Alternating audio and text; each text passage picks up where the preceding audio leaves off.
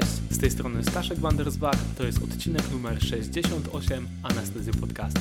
68, ale być może jeden, bo jest to pierwszy odcinek, można powiedzieć inauguracja tematyki związanej z intensywną terapią w Anestezji Podcaście. Dzisiaj wziąłem na warsztat temat, który jest, no powiedzmy, trochę anestezjologiczny w tym znaczeniu, że pozwala nam podać szybko leki i osiągnąć ekspresowo efekty naszego leczenia. Zajmiemy się dzisiaj diagnostyką i leczeniem kwasicy ketonowej. Żebyśmy mówili o kwasicy ketonowej, to musimy wprowadzić albo właściwie przypomnieć pojęcie luki anionowej. Co to jest luka anionowa? Kiedy robimy badania gazometryczne, czasami rozszerzone o oznaczenie elektrolitów, to luka anionowa będzie różnicą, czyli wynikiem odejmowania między sodem, od którego odejmujemy chlorki, od których odejmujemy wartość dwuwęglanu. U zdrowych pacjentów ta luka anionowa wynosi od 10 do 12 miliekwiwalentów na litr, natomiast u pacjentów, którzy mają różne stany, ale w tym właśnie kwasicę ketonową, ta luka anionowa będzie się zwiększać. Oczywiście kwasica ze zwiększoną luką anionową jest dla nas tylko jednym z, ze wskazówek, które pokazują nam, że u tego pacjenta coś złego się dzieje że to coś może mieć podłoże ketonowe, bo tak naprawdę nie istnieje jednoznaczna definicja albo jednoznaczne kryteria diagnostyczne kwasicy ketonowej. Wielu klinicystów jako definicję kwasicy ketonowej przyjmuje takową. Jest to każdy pacjent z cukrzycą, który ma podwyższony poziom beta-hydroksymaślanu w osoczu. Oczywiście w naszych warunkach bardzo często wykonujemy po prostu oznaczenie ciał ketonowych w moczu, jeśli mamy pacjenta, który spełnia kryteria rozpoznania kwasicy, który dodatkowo ma ciała ketonowe w moczu i jeszcze do tego wszystkiego podwyższoną lukę anionową. Dla nas jest to też pacjent, którego traktujemy jako pacjenta z kwasicą ketonową. Ale uwaga, bo nie jest to do końca takie proste. Okazuje się, że pacjenci z kwasicą ketonową mogą mieć normalny poziom cukru, o czym powiemy sobie po, trochę później. Mogą mieć też normalne pH oraz normalne dwuwęglany. I taka konfiguracja może zdarzać się w złożonych zaburzeniach, takich jak na przykład współwystępowanie kwasicy ketonowej z zasadowicą metaboliczną spowodowaną wymiotami. Z jednej strony mamy kwasicę, z drugiej strony mamy zasadowicę i to wszystko może doprowadzić do prawidłowego poziomu dwuwęglanów i prawidłowego pH i zaburzać nas, nasz obraz tego pacjenta. Diagnoza kwasicy ketonowej może być więc, oczywista. Wyobraźcie sobie, że przychodzi do Was pacjent, który ma wieloletni wywiad cukrzycy typu pierwszego i mówi Wam, że od jakiegoś czasu nie wstrzykiwał sobie insuliny, bo mu się skończyła, nie wiedział, że to jest ważne i że musi iść do swojego lekarza po to, żeby dostać następną dawkę. W moczu rozpoznajecie kwasicę ketonową, ma oczywisty oddech kusmaula, czyli te głębokie wdechy i wydechy i wszystko to oczywiście wskazuje Wam na kwasicę ketonową. Jeśli macie pacjenta, którego podejrzewacie o to, że być może ma kwasicę ketonową, ale wcale nie jesteście pewni, no to diagnoza jest trochę mniej oczywista. Wtedy sprawdźcie poziom mleczanów, ponieważ mleczany to jest inna, inna przyczyna kwasicy z podwyższoną luką anionową i sprawdźcie poziom beta-hydroksymaślanu albo znacznie, oznaczcie ciała ketonowe w moczu. Pamiętaj o tym, że do rozpoznania kwasicy ketonowej, a nawet do jej leczenia, nie jest do końca potrzebne przeprowadzenie badania gazometrycznego. Czy fajnie jej mieć? Fajnie. Ja też to robię u swoich pacjentów, ale nie, wcale nie musimy tego robić i możemy być skuteczni w leczeniu kwasicy ketonowej oraz w jej rozpoznaniu, nawet jeśli tego nie stosujemy. W tym miejscu warto przypomnieć sobie, skąd właściwie bierze się kwasica ketonowa, bo kwasica ketonowa powstaje wtedy, kiedy kiedy w organizmie pacjenta nie ma insuliny, która indukowałaby normalne szlaki przemiany glukozy. Ponieważ organizm potrzebuje stworzyć coś, z czego pozyska energię, to przy braku insuliny wkracza na ścieżkę ketogenezy i tworzą się ciała ketonowe, takie jak właśnie aceton, beta-hydroksymaślan, które są oczywiście również w pewien sposób wydajne energetycznie, ale powodują poważne efekty uboczne, takie jak zwiększenie osmolalności, jak e, odwodnianie, odwadnianie, zwłaszcza wewnątrzkomórkowe, jak efekt diurezy osmotycznej, a później w pewnych okolicznościach nawet zaburzenia świadomości, ciężkie nudności, wymioty, ból brzucha itd. Tak itd. Tak Kiedy widzimy pacjenta, który przychodzi do nas i mamy taki przebłysk, że to może być kwasica ketonowa, to warto zastanowić się nad tym, skąd ona się właściwie wzięła. Oczywiście może być tak, czasami tak jest, Taka była na przykład moja pierwsza pacjentka z kwasicą ketonową, że Mamy dorosłego pacjenta, który przychodzi do nas z kwasicą i jest to pierwszy objaw jego nierozpoznanej jeszcze dotychczas cukrzycy. Może tak być, natomiast dużo częściej zdarza się inaczej. Zdarza się tak, że mamy pacjenta, który choruje od dłuższego czasu na cukrzycę i u którego wystąpił pewien czynnik spustowy. Do tych często występujących czynników spustowych, które mogą wywoływać kwasicę ketonową, należą m.in. złe stosowanie insuliny, czyli zapomniałem dawki, dałem za mało, były jakieś tam ciężkie błędy dietetyczne do tego. To jest rzecz numer jeden. Rzecz numer dwa mogą być infekcyjne przyczyny. Trzecia sprawa zapalenie trzustki. Czwarta sprawa ciąża. Następna przyczyna, która jest częsta, urazy, ale też zabieg chirurgiczny, który został wykonany w ostatnim czasie. Kolejna przyczyna to nadużywanie substancji albo alkoholizm, mogą to być też leki, na przykład chociażby sterydy. Dlatego, kiedy taki pacjent do nas przychodzi, to absolutnie kluczowe jest to, żeby zebrać z nim wywiad, ponieważ może się okazać, że pod tą kwasicą ketonową, która właśnie występuje, kryje się jakaś inna choroba, którą możemy przeoczyć, jeśli zaczniemy po prostu w nadziei na szybki efekt, jak to anestezjolodzy, leczyć kwasicę ketonową standardowym schematem.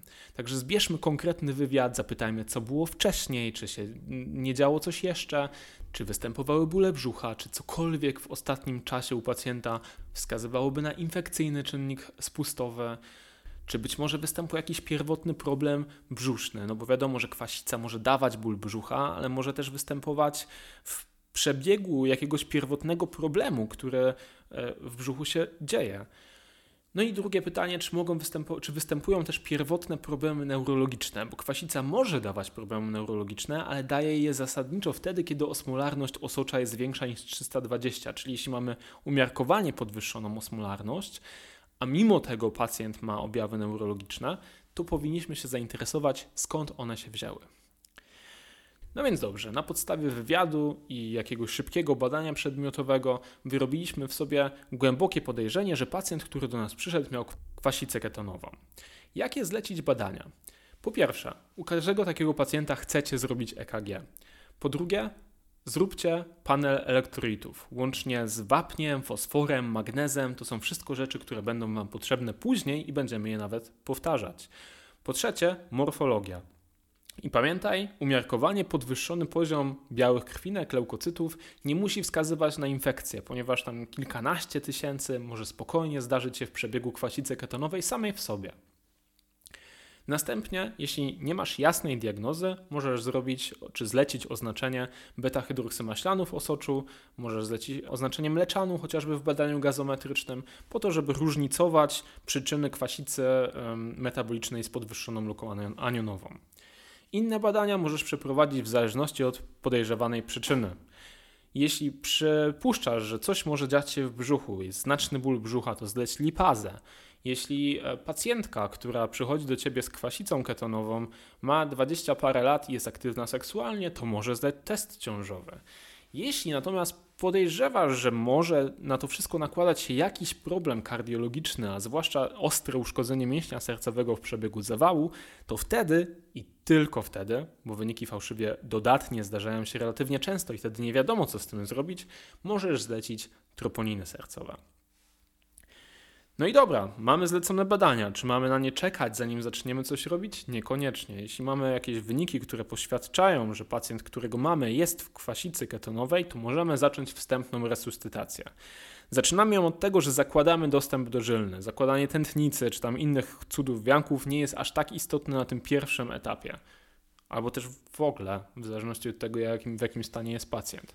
Więc zakładamy dostęp do żylny. U większości pacjentów wystarczy dostęp do żylny na obwodzie. Jeśli konieczny jest dostęp centralny, a czasami jest, to akurat w tym wypadku nie musimy specjalnie się obawiać zakładania dostępu do żylnego do żyły udowej. Po pierwsze, dlatego, że ten dostęp będzie generalnie tam krótko leżał. Dlaczego? Dlatego, że ten pacjent, tak jak powiedziałem, spektakularnie szybko będzie wyleczony, co oznacza, że po tak naprawdę dwóch dniach będziemy mogli ten cewnik centralny usunąć, a pacjent będzie mógł przejść na oddział o niższym stopniu opieki, albo może nawet przy odrobinie szczęścia udać się do domu. Przeciwko zakładaniu centrali na szyi, jeśli nie stosujecie USG, ale nawet z nim, i przede wszystkim przeciwko dostępowi podobojczykowemu przemawia to, że w przypadku wyindukowania odmy opłucnowej jest to dla pacjentów z kwasicą ketonową szczególnie trudny moment. W końcu kompensacja tej kwasicy, tej ciężkiej kwasicy metabolicznej u pacjenta z kwasicą ketonową zachodzi w przebiegu oddechu Kussmaula, czyli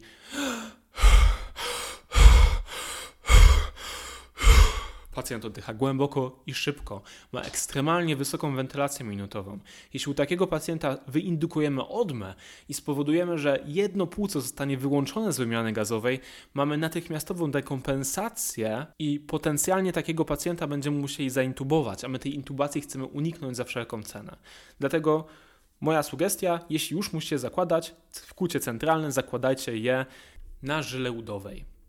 Kiedy już macie dostęp do żylny, to oznaczcie poziom potasu. Jeśli poziom potasu jest większy niż 3,3, to od razu zacznijcie podawać potas i insulinę. Jeśli jest mniejszy niż 3,3, to z insuliną na razie musicie się wstrzymać po to, żeby podnieść poziom potasu. I wtedy podajemy w takim przypadku najlepiej przez dwa dostępy dożylne 20 ml ekwiwalentów potasu na godzinę przez jeden dostęp, 20 przez drugi, czyli razem podajemy 40 ml ekwiwalentów na godzinę, oczywiście pod kontrolą EKG i wszystkiego innego, taką do jakiej przywykliśmy na intensywnej terapii, po to, żeby dość szybko podnieść ten poziom potasu, żeby można było rozpocząć terapię insuliną. I w przypadku braku hipokaliemii rozpoczynamy. W przypadku, kiedy wiecie, że przygotowanie insuliny, w sensie wlewu insuliny, będzie trwało więcej niż 30 minut, to możecie podać 10 jednostek insuliny w bolusie. W przypadku, kiedy możecie podać infuzję od razu, to rozpocznijcie z prędkością 0,1 jednostki na kilogram na godzinę, czyli na przykład jeśli macie w roztworze jedną jednostkę na mililitr, faceta 80 kg, to rozpoczynacie od 8 jednostek na godzinę. W przypadku, kiedy podejrzewacie albo wiecie na pewno, że ten pacjent będzie miał oporność na insulinę, to możecie zastosować wyższe dawki między 0,2 a 0,3 jednostki na kilogram na godzinę. Oczekiwany spadek glukozy, który chcemy osiągnąć, to jest od 50 do 70 mg na decylitr na godzinę. Czyli jeśli zaczynamy od 800, to chcielibyśmy po pierwszej godzinie mieć powiedzmy 750, 700, 650 itd., itd. w ramach naszej resuscytacji. Pamiętajcie o tym, że resuscytacja spowoduje spadek poziomu putasu, dlatego cały czas musimy go agresywnie uzupełniać i celować w raczej wysokie wartości. Ja staram się, żeby ten potas u moich pacjentów w przypadku tej resuscytacji wynosił około 5,5 i tak próbuję dawkować mój wlew potasu. Drugą taką najważniejszą gałęzią albo drugą podstawą resuscytacji w kwasicy ketonowej jest resuscytacja płynowa. Pamiętajcie o tym, że pacjenci z powodu tego efektu osmotycznego wywieranego przez ciała ketonowe są głęboko odwodnieni. Zwłaszcza ta, to odwodnienie dotyczy wnętrza komórek, więc jakby to, co musimy uzupełnić, to nie jest tylko objętość zewnątrzkomórkowa, ale też objętość wewnątrzkomórkowa. Większość tych pacjentów, których dostajecie, może nie licząc pacjentów z ciężką niewydolnością serca, będzie potrzebowało dużej objętości, żeby wrócić do siebie. Generalnie w miarę śmiało można rozpisać od 2 do 4 litrów krystaloidów na, na pierwsze godzinę, rozpocząć powiedzmy od 200 ml na godzinę. Wiele wytycznych mówi o tym, żebyśmy podawali sól fizjologiczną. Natomiast ja tego nie robię z dwóch powodów. Po pierwsze, dlatego, że jeśli jesteście chociaż trochę jak ja, to nie jesteście po prostu w stanie podłączyć soli fizjologicznej pacjentowi, bo jest to złe.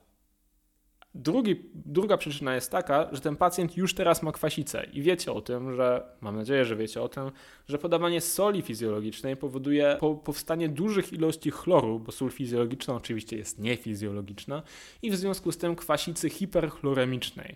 Czy to jest to, co chcemy osiągnąć u pacjenta, który już jest zakwaszony i ma pH powiedzmy 6,9?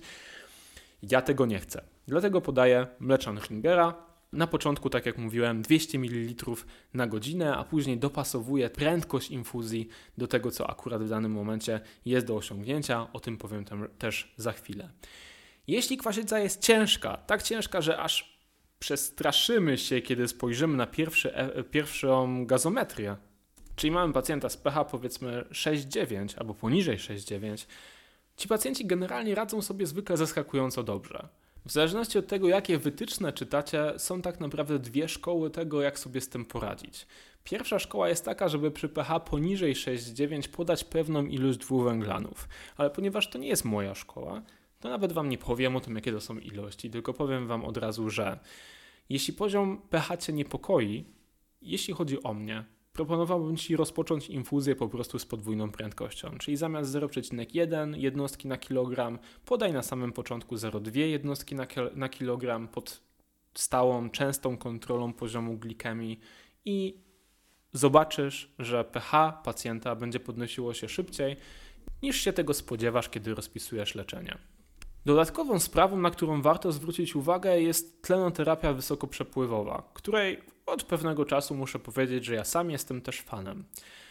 U pacjentów z kwasicą ketonową generalnie za wszelką cenę chcemy uniknąć intubacji. Po pierwsze dlatego, że mogą się zdekompensować, po drugie dlatego, że prowadzenie wentylacji mechanicznej w przypadku kogoś, kto wyjściowo ma oddech kusmaula, może być naprawdę trudne. Tlenoterapia wysokoprzepływowa jest swego rodzaju odpowiedzią na to pytanie. Po pierwsze, a może po jedyne, tlenoterapia wysokoprzepływowa pozwala nam ułatwiać oddawanie dwutlenku węgla, a co za tym idzie, szybcie, szybsze wyrównanie kwasicy. Nie wiem, czy widzieliście kiedyś chorych z oddechem kusmaula i ich gazometry. Generalnie ci chorzy mają niesamowicie, wręcz dziwnie niskie poziomy CO2 czy PCO2. Jest to związane właśnie z tym oddechem kusmaula. Oczywiście taki, taki takie głębokie oddychania, taka wysoka wentylacja minutowa to jest ogromny wysiłek oddechowy, więc my chcemy ten wysiłek zmniejszyć. W jaki sposób go zmniejszamy? Przede wszystkim przez to, że podajemy pacjentowi odrobinę CPAP-u, to już pomaga, ale po drugie, kiedy ustawimy wysoki przepływ, powiedzmy 60 litrów na minutę, to ten tlen, który wpływa do dróg oddechowych pacjenta, wypłukuje z naszej przestrzeni martwej to, co tam było, czyli ten dwutlenek węgla, który w przestrzeni, w przestrzeni martwej zalegał, dzięki czemu mieszanina, którą pacjent z powrotem wdycha na wdechu, jest uboższa w dwutlenek węgla i ułatwione jest oddawanie CO2. Jest to super plan, absolutnie mało inwazyjnie, dobrze tolerowane przez pacjentów i pozwalające jeszcze szybciej i z trochę mniejszym nakładem energii wydatkowanej obniżyć poziom CO2 i dzięki temu podwyższyć pH u tego pacjenta w ciężkiej kwasicy. Naszym celem leczenia generalnie w czasie kwasicy e, ketonowej jest zamknięcie luki anionowej, czyli zmniejszenie tej luki anionowej do poziomu, który jest normalny u każdego pacjenta.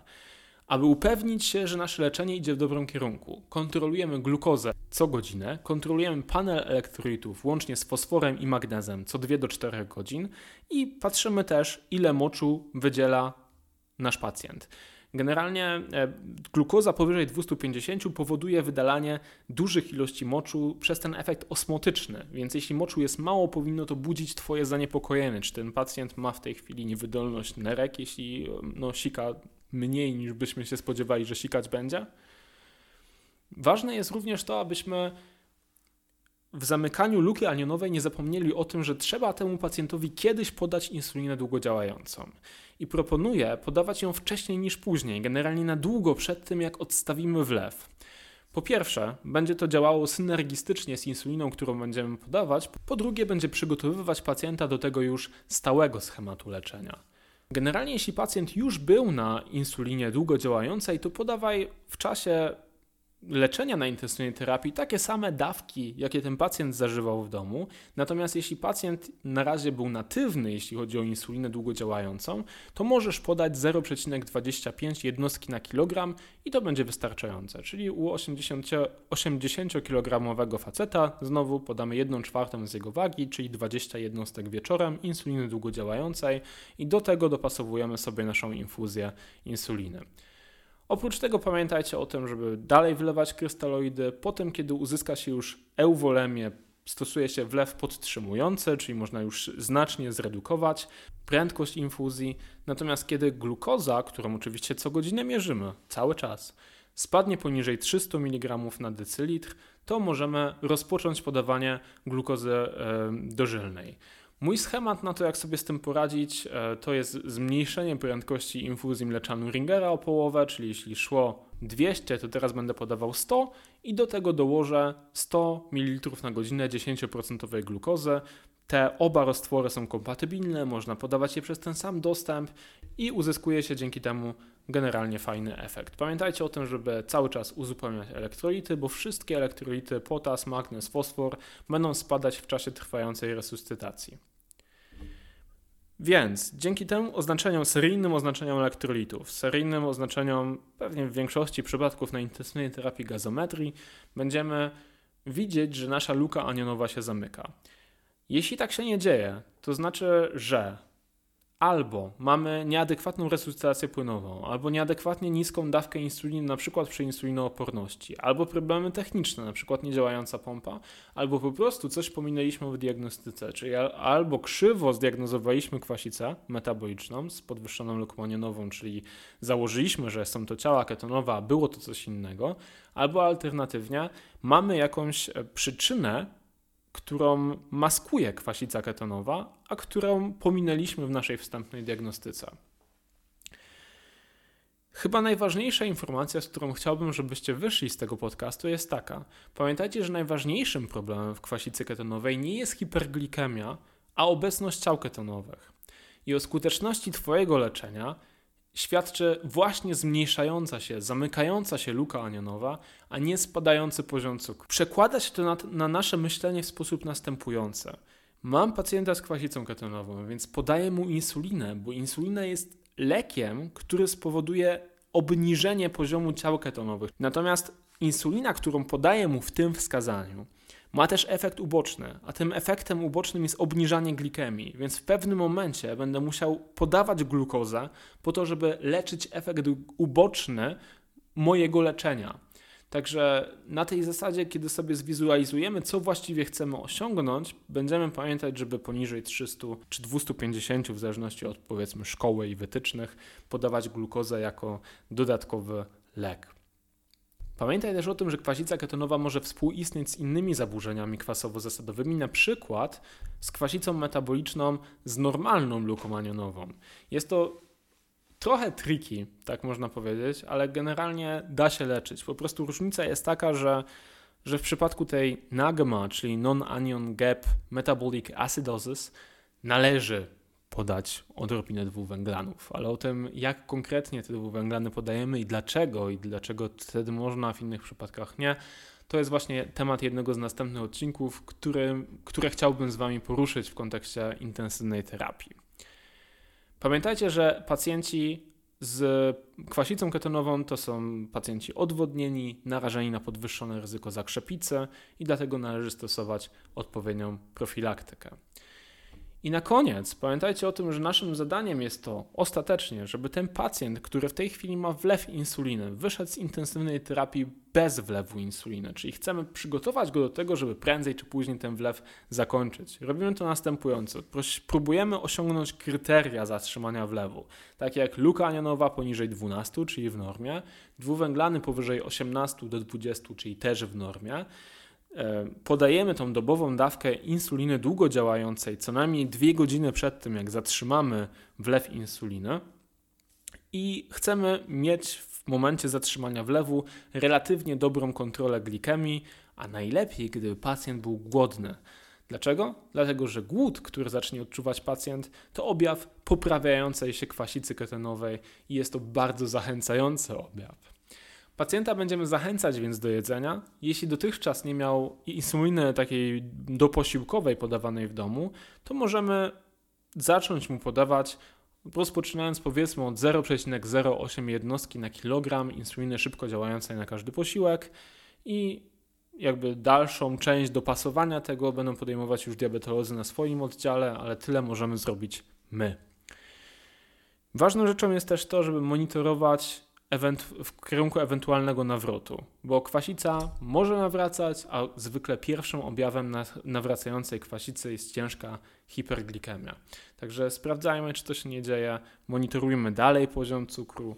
Na pewno i tak to robicie, więc nie jest to dla Was zupełnie odkrywcza i wtedy wszystko będzie dobrze. Na samym końcu chciałbym powiedzieć tylko kilka zdań odnośnie kwasicy euglikemicznej. Na samym początku powiedziałem, że może być tak, że będziemy mieli kwasicę ketonową u pacjenta, u którego poziom glikemii jest w normie. Może się to zdarzyć w kilku przypadkach. Na przykład, kiedy pacjent stosuje inhibitory SGLT2, czyli flozyny. Kiedy pacjent się głodzi, kiedy ma nudności i wymioty, czyli generalnie następuje zaburzenie zdolności wątroby do syntezy glukozy, kiedy mamy e, pacjentkę w ciąży, niewydolność wątroby, Jaka jest różnica między tą kwasicą ketonową? Bo oczywiście diagnostyka tej kwasicy będzie w tym momencie taka sama, nie? oprócz tego, że wywiad będzie mniej typowy. Ale generalnie stosujemy ten sam schemat leczenia, czyli też płyny, też insulinę. Różnica jest tylko taka, że w przypadku, kiedy mamy glikemię powiedzmy 250, no to wiadomo, że od razu zaczniemy stosować glukozę, czyli jakby od razu będziemy stosowali ten schemat płynowy, który byśmy stosowali w normalnej kwasicy ketonowej dopiero po spadku glikemii. Tutaj będziemy oczywiście stosować go od razu i naszym celem nie jest spadek glikemii, tylko tak jak powiedzieliśmy wcześniej, co świadczy o naszej skuteczności terapeutycznej, zamykanie się luki anianowej. Także to jest nasz cel u pacjentów z kwasicą euglikemiczną. I to tyle. Naturalnie nie jest to wszystko, co można powiedzieć o kwasicy ketonowej i o jej leczeniu, bo jest to temat, który jest dość rozległy, ale wiedząc tyle i zwracając uwagę na te istotne szczegóły, a zwłaszcza na wywiad i ewentualne e, choroby towarzyszące, doprowadzimy do dobrego stanu każdego pacjenta, który zostanie przywieziony na oddział intensywnej terapii z powodu kwasicy ketonowej. Także trzymam kciuki za Wasze leczenie i trzymam kciuki za Waszą edukację w zakresie intensywnej terapii. Od dzisiaj, od tego pierwszego odcinka dotyczącego intensywnej terapii, Anestezjo Podcast będzie wspierał Ciebie również w tym kierunku. Życzę Ci dobrego miesiąca, dobrych dyżurów, spokoju w nocy i do usłyszenia. Już za dwa tygodnie anestezjologiczna prasówka. Za miesiąc słyszymy się w kolejnym odcinku Anestezja Podcastu ze mną. Cześć!